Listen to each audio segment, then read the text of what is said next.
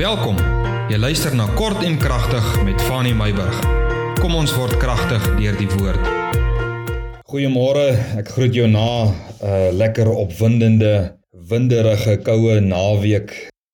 Ja, ons het hierdie naweek so 'n bietjie vuur geslaan op die plaas. Ja, dinge is nooit altyd dieselfde as 'n vorige dag nie. Nou ja, kom ons skop die week af met 'n kort en kragtig boodskap vir vandag. Ek wil vandag 'n bietjie met jou gesels oor dink sessie.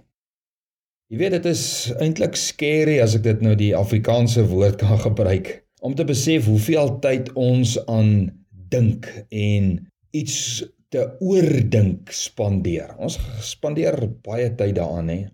Ons gedagtes is so oorlaai met verpligtinge, beplanninge, begrotinge, bekommernisse. En wie jy tog vind ons tyd vir hierdie dinksessies van ons. Ons vind tyd daarvoor. Jy weet in die boerdery het ek letterlik altyd ure op 'n slag spandeer aan begrotings en beplanninge vir die volgende groenteaanplanting. Ek het die grond bestudeer, die waterbehoefte bestudeer, bemestingsbehoefte, onkruidbeheer, arbeid, bewerking, verpakking ensovoorts ensovoorts ensovoorts en ek moes dit doen om die sukses van die oes te kon verseker. En ek het die tyd daarvoor gemaak. Daar was tyd daarvoor. Want dit was vir my belangrik. Dit was prioriteit. En ek sien ook hoe verskriklik dit is hoe gejaagd ons is wanneer dit kom by ons geestelike lewe en by die geestelike dinge en om tyd te spandeer in die geestelike dinge.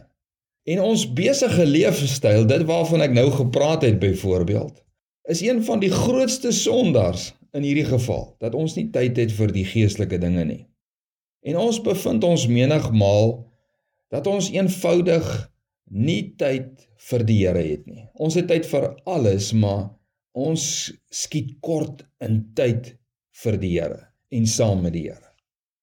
Nou Dawid sê in Psalm 1 vers 1 tot 2. Hy sê welgeluksalig is die man wat nie wandel in die raad van die goddelose en nie staan op die weg van die sondaars en nie sit in die kring van die spotters nie. Maar sê vers 2 sy beha is in die wet van die Here en hy oordink sy wet dag en nag natuurlik die wet van die Here nie.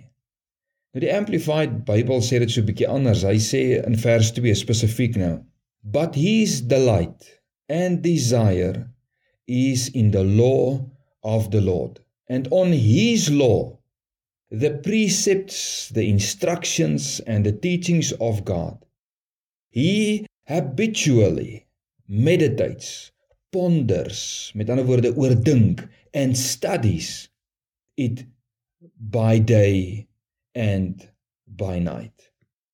Weet jy hoe belangrik is dit om genoegsame tyd aan meditasie van die woord te spandeer. Meditasie beteken mos nou om te dink, om diep na te dink oor 'n saak, maar om spesifiek diep na te dink oor die woord. Dit is belangrik om genoegsame tyd aan meditasie van die woord te spandeer. Want jy weet omdat ek soveel tyd in my denke aan boerdery spandeer het, het ek selfvertroue gehad dat wat ek doen die regte ding was om te doen en ek het doelgerigte handelinge nagevolg. Ek het doelgerig gehandel op dit waar ek my tyd gespandeer het om 'n ding te bedink en te oordink. Daarom was daar doelgerigte handeling. Nou die Here sê aan Josua na Moses se dood in Josua 1 vers 8, hy sê vir Josua, Josua, hierdie wetboek mag nie uit jou mond wyk nie, maar bepeins dit. Hoor wat sê hy? Bepeins dit dag en nag sodat jy nou gesed kan wandel volgens alles wat daarin geskrywe staan want dan sal jy in jou weë voorspoedig wees en dan sal jy met goeie gevolg kan handel. Jy weet die bepeinsing van die woord gaan sy handeling beïnvloed. Dit gaan sy voetspore rig. Dis wat die Here vir hom sê. As jy dag en nag bepeins oor my woord en die wetboek bepeins en dit oordink en daaroor mediteer, dan gaan dit jou handelinge beïnvloed en jy gaan doelgerig handel. Jou voetspore gaan doelgerig wees omdat jy daaroor dink, dit oordink en dit bedink.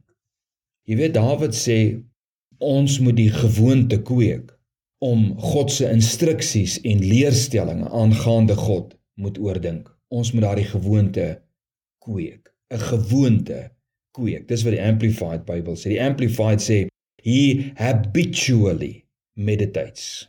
'n Gewoonte moet gekweek word om God se instruksies en leerstellings aangaande God te kan oordink. Ons moet dinksessies tussen ons, die Woord en die Heilige Gees reël. Dis belangrik.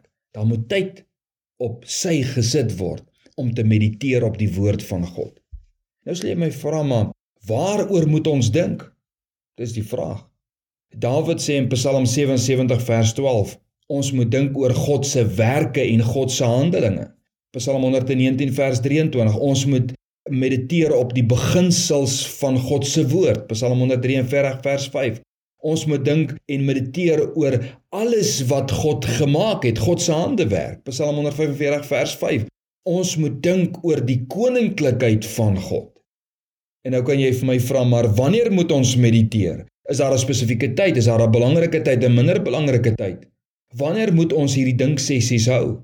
Genesis 24 vers 63 het Isak in die aand gegaan met die skemering het hy op God se woord gemediteer en gebid. Psalm 63 vers 6 sê Dawid, hy sê op my bed in die nag wake, in die nag.